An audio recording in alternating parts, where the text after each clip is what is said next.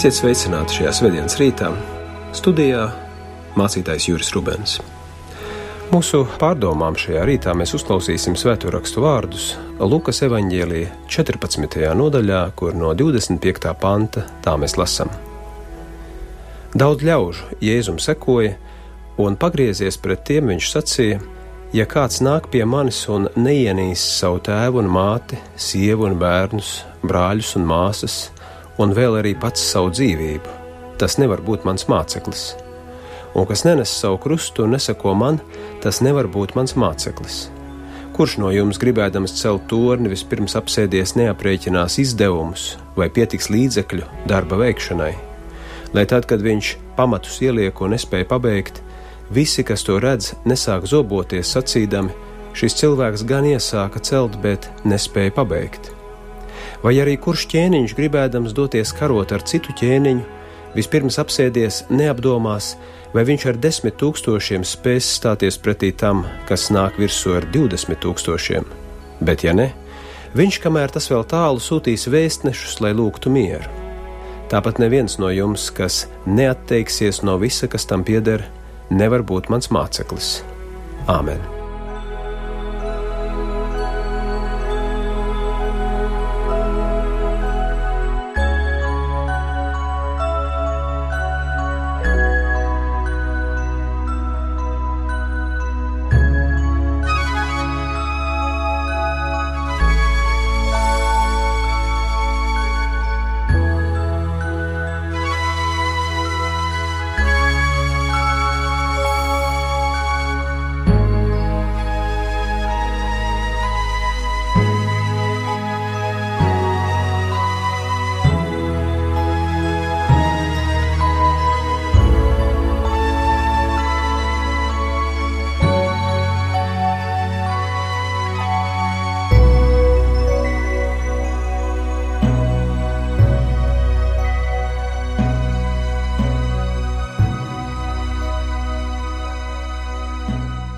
Mēs zinām, ka jaunās derības tekstos laiku pa laikam ir lasāmas eksplozīvas rindas.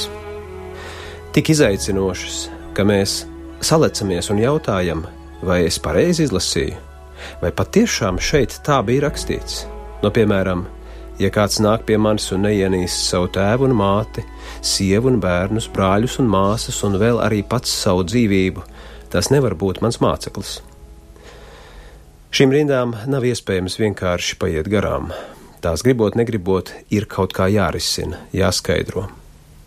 Un sekošana Jēzum mēs redzam patiešām nav kāda garlaicīga nodarbošanās, kur iespējams īstenot tādā pusaizmigušā stāvoklī barā. Lai arī šīs rindas vēsta par daudz ļaudīm, kas Jēzum seko, viņš laiku pa laikam šiem cilvēkiem pasaka vārdus, ar kuriem jātiek galā katram atsevišķi.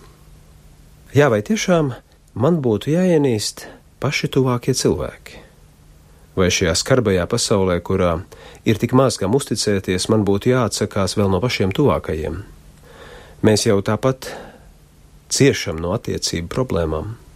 Tik daudzas nozīmīgas saites jau ir sagrautas. Vai Jēzus ir atnācis atņemt pēdējo, kas mums vēl palicis? Kur tad ir tik plaši piesauktās kristietības ģimeniskās vērtības? Kur tad paliek Jēzus paša aicinājums mīlēt visus cilvēkus, pat ienaidniekus?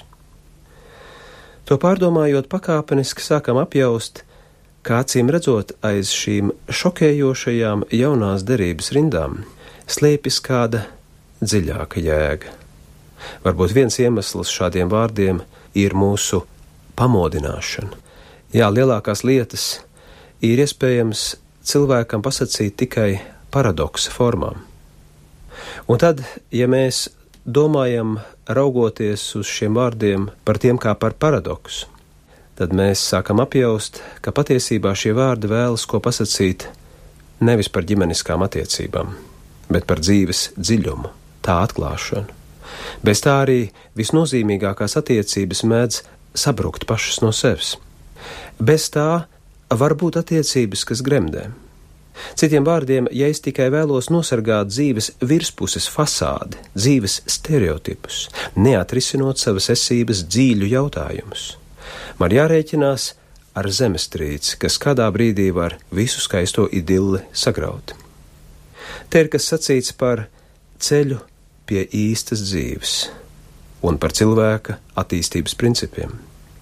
Mums vissaprotamākajā un uztveramākajā veidā to ir aprakstījis lielais šveiciešu domātājs Kārls Gustavs Jungs, sakot, ka katra cilvēka dzīve sadalās divos posmos. Pirmajā dzīves periodā cilvēks tiecas apgūt pasauli ārpusē, bet otrajā vajadzētu sākt apgūt pasauli iekšpusē. Pirmajā periodā liekas, ka visu, kas vien nepieciešams, varēšu atrast ārējā pasaulē, taču pakāpeniski dzimst vilšanās. Bez iekšējās dimensijas atklāšanas dzīve kļūst plakana un tukša. Tad tu sāc apjaust, ka dažas atbildes uz dzīves lielajiem jautājumiem nekad nevarēšu atrast ārpusē. Man jāmeklē citur. Tur, kur vēl es varbūt nekad neesmu meklējis, savas dvēseles dziļumos. Otram dzīves posmam vajadzētu būt vairāk kontemplatīvam. Tieši to Jēzus domā, piemēram, runādams par otro piedzimšanu, piedzimšanu no augšienes. Vispirms tu piedzimsti kā parasts cilvēks, tev ir tavi dzīves mērķi, parasti tur ārpusē. Tu tos soli pa solim īsteno, un kādā brīdī tev pat sāk likties, ka viss lielās līnijās ir kārtībā. Taču pakāpeniski sirds dziļumos sāk mosties neapmierinātība. Tas, kas agrāk bija licies tik svarīgs, vairs nesniedz gandarījumu. Kaut kas pietrūkst. Nevienmēr ir skaidrs, kas, bet tas pavisam noteikti ir kas ļoti svarīgs. Sevi piesaka dziļumi nu, tu varētu piedzimt kā garīga būtne. Par tādu pagriezienu uz iekšpusi cilvēka dzīvē runā bezgala daudzi Bībeles tēli. Droši vien viens no pazīstamākajiem un, ja drīkstētu sacīt, uzskatāmākajiem ir pirmās mūzes grāmatas teksts, kas stāsta par Abrahāmu. Proti, tas ir cilvēks, kuru mēs sastopam Bībeles notikumā, kad viņam aiz muguras jau ir gara dzīve Teksts uzsver, viņam jau ir 75 gadi. Varētu likties, ka tādā vecumā viss nozīmīgais jau palicis aiz muguras. Tas taču ir vecums, kad cilvēks ir kļuvis apdomīgs, piesardzīgs, vairs nepieņem straujus lēmumus, nevēlas riskēt. Taču kādā dzīves brīdī viņu uzrunā Dievs. Un nav nekas sacīts par to, kādas ir bijušas un vai vispār ir bijušas viņa līdzšinējās attiecības ar Dievu. Mēs nezinām arī to, vai tā ir pirmā dieva uzrunas reize. Iespējams, nē. Zinām tikai to, ka Abrahāms dievu dzird un viņam paklausa. Bībeles teksts mums sniedz kādu skaistu tēlu. Dievs Abrahāmu aicina doties garā, bīstamā, nezināmā ceļā uz kādu nepazīstamu jaunu zemi, lai viņš kļūtu par svētību visai pasaulē. Un negaidītā kārtā šis cilvēks dieva aicinājumam atsaucas. Viņš visu atstāja, lai dotos šajā izaicinošajā ceļā. Kā kas tāds vispār var būt iespējams, mēs varētu jautāt. Ja uzmanīgi pārdomāsim savu dzīvi, tad zināsim, ka īstenībā radikāli jaunus ceļus dzīvē nav viegli sākt nevienā vecumā arī 30 vai 40 gadu vecumā nemaz nav tik viegli visu atstāt un mēģināt sākt ko pilnīgi jaunu, vai ne? Ko pilnīgi jaunu nevis darba vai izglītības nozīmē, bet pasaules uzskata dzīves filozofijas, ticības nozīmē. Kā gan ko tādu spēj šis sirmais vīrs? Un atbildi īstenībā ir tikai viena. Lai cik neparasts ir šis aicinājums, viņš tajā ir saklausījis, ko sev ļoti nepieciešama, ko tādu pēc kā viņš ir sen ilgojies. Viņš ir noguris no vecās, plakanās, seklās dzīves. Ja tas tā nebūtu, viņš taču nekur neietu. Bet nu šis no ārpuses raugoties tik neprātīgais aicinājums sakrīt ar viņa dziļākajām ilgām, pie kam tik ļoti, ka viņš tūdaļ pat dodas ceļā. Vai viņam nepietiek ar visu to, kas jau iegūts? Daudziem taču jau pietiek, bet viņš ir sajūtis, ka dzīvē ir vēl kaut kas bez mūsu dzīves parastā modeļa.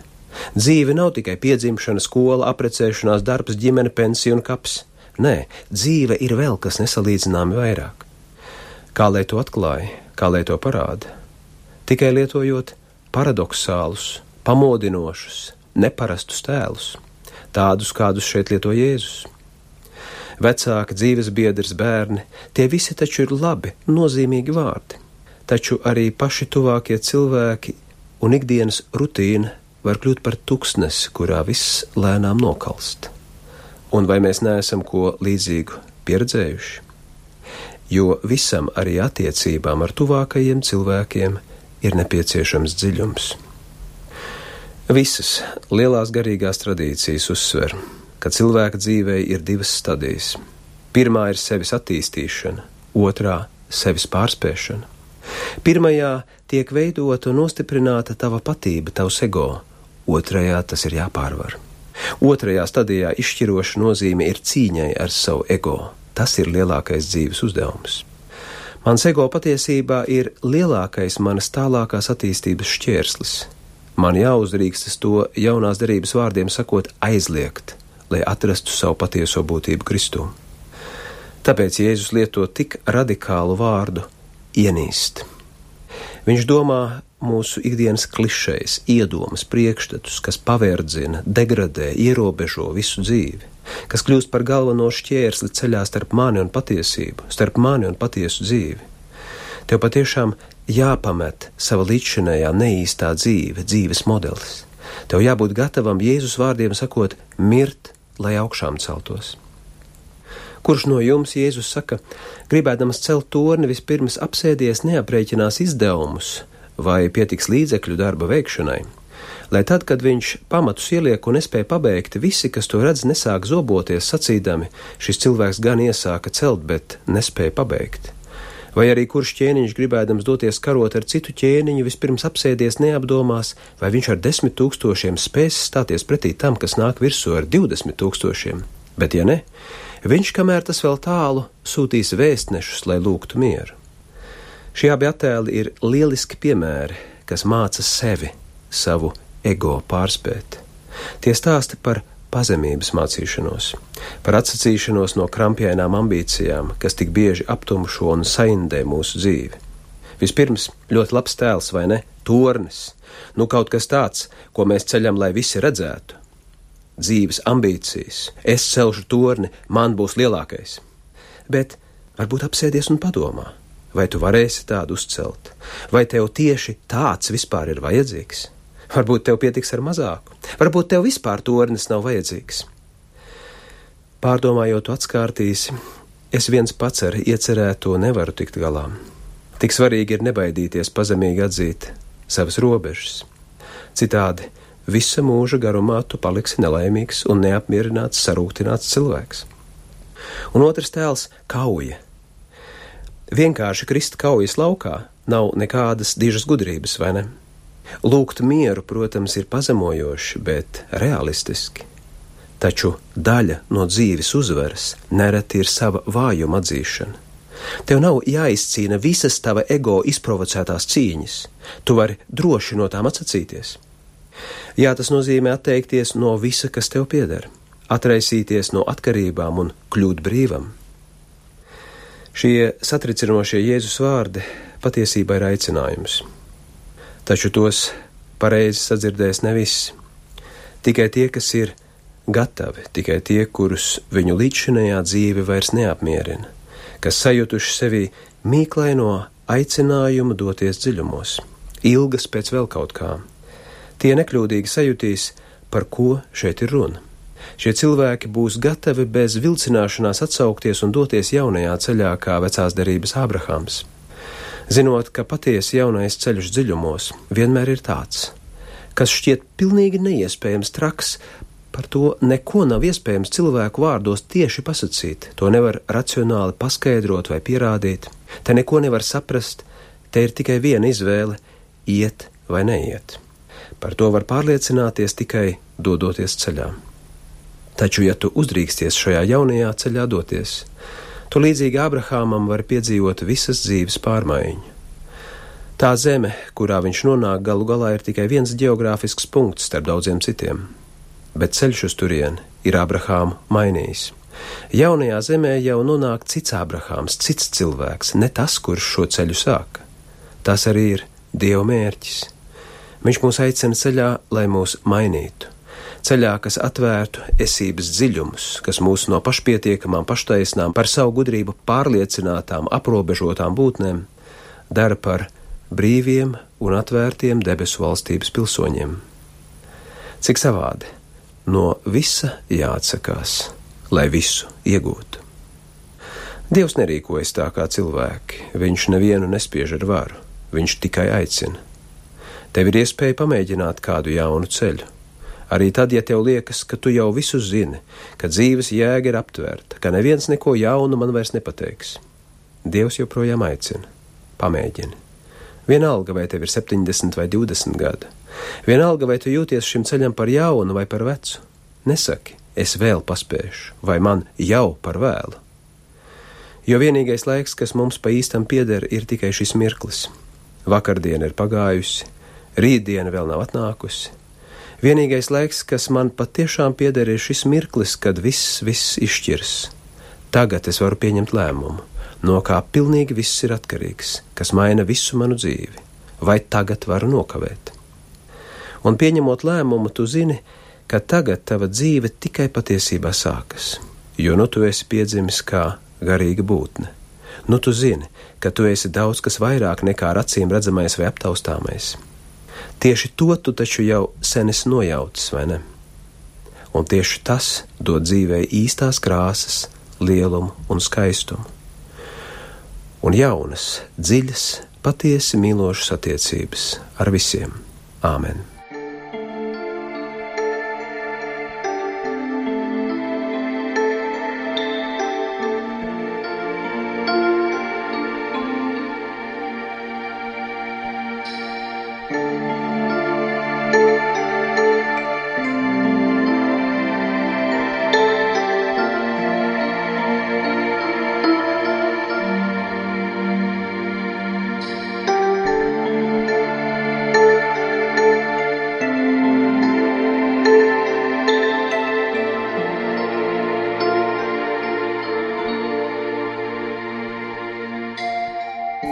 Pateicamies, debesu Tēvs, ka šajā sarežģītajā un pretrunīgajā pasaulē mēs vienmēr dzirdam Tavu aicinājumu, ka Tavs aicinājums ikdienas grib sasniegt mūs, vedot jaunā ceļā, mācot mums atklāt mūsu dziļumus.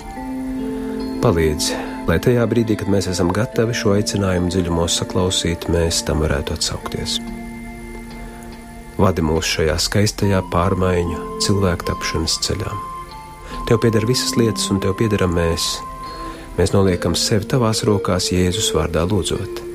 Mūsu Tēvs debesīs, svētīts lai top tavs vārds, lai nāk tava valstība, tavs prāts, lai notiek kā debesīs, tā arī virs zemes.